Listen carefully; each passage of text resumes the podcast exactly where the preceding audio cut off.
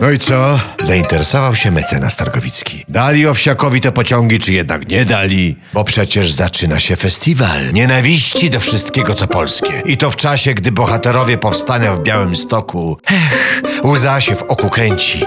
Cierpią okrutne prześladowania. Za wiarę, podkreślił redaktor zdrada. A niech no, który w takim pociągu narobi bałaganu, zgrzytnął zębami mecenas. Skończą się festiwale. W trzy pacierze się skończą. Z tych nerwów sięgnęli po koniaczek. Mecenas z redaktorem, to znaczy Anetka im go podała.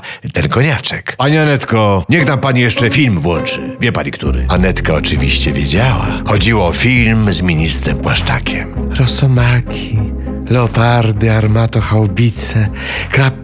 Równolegle z aktorami recytował zdrada. Myśliwce F-35 jeszcze nie dolecą, ale będą.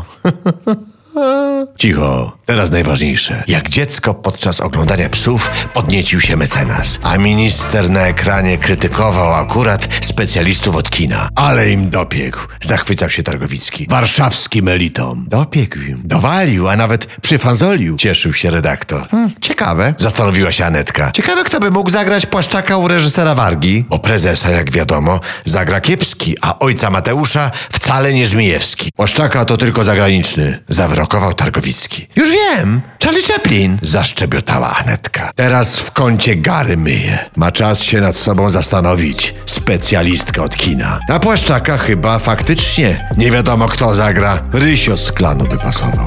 I to całkiem serio.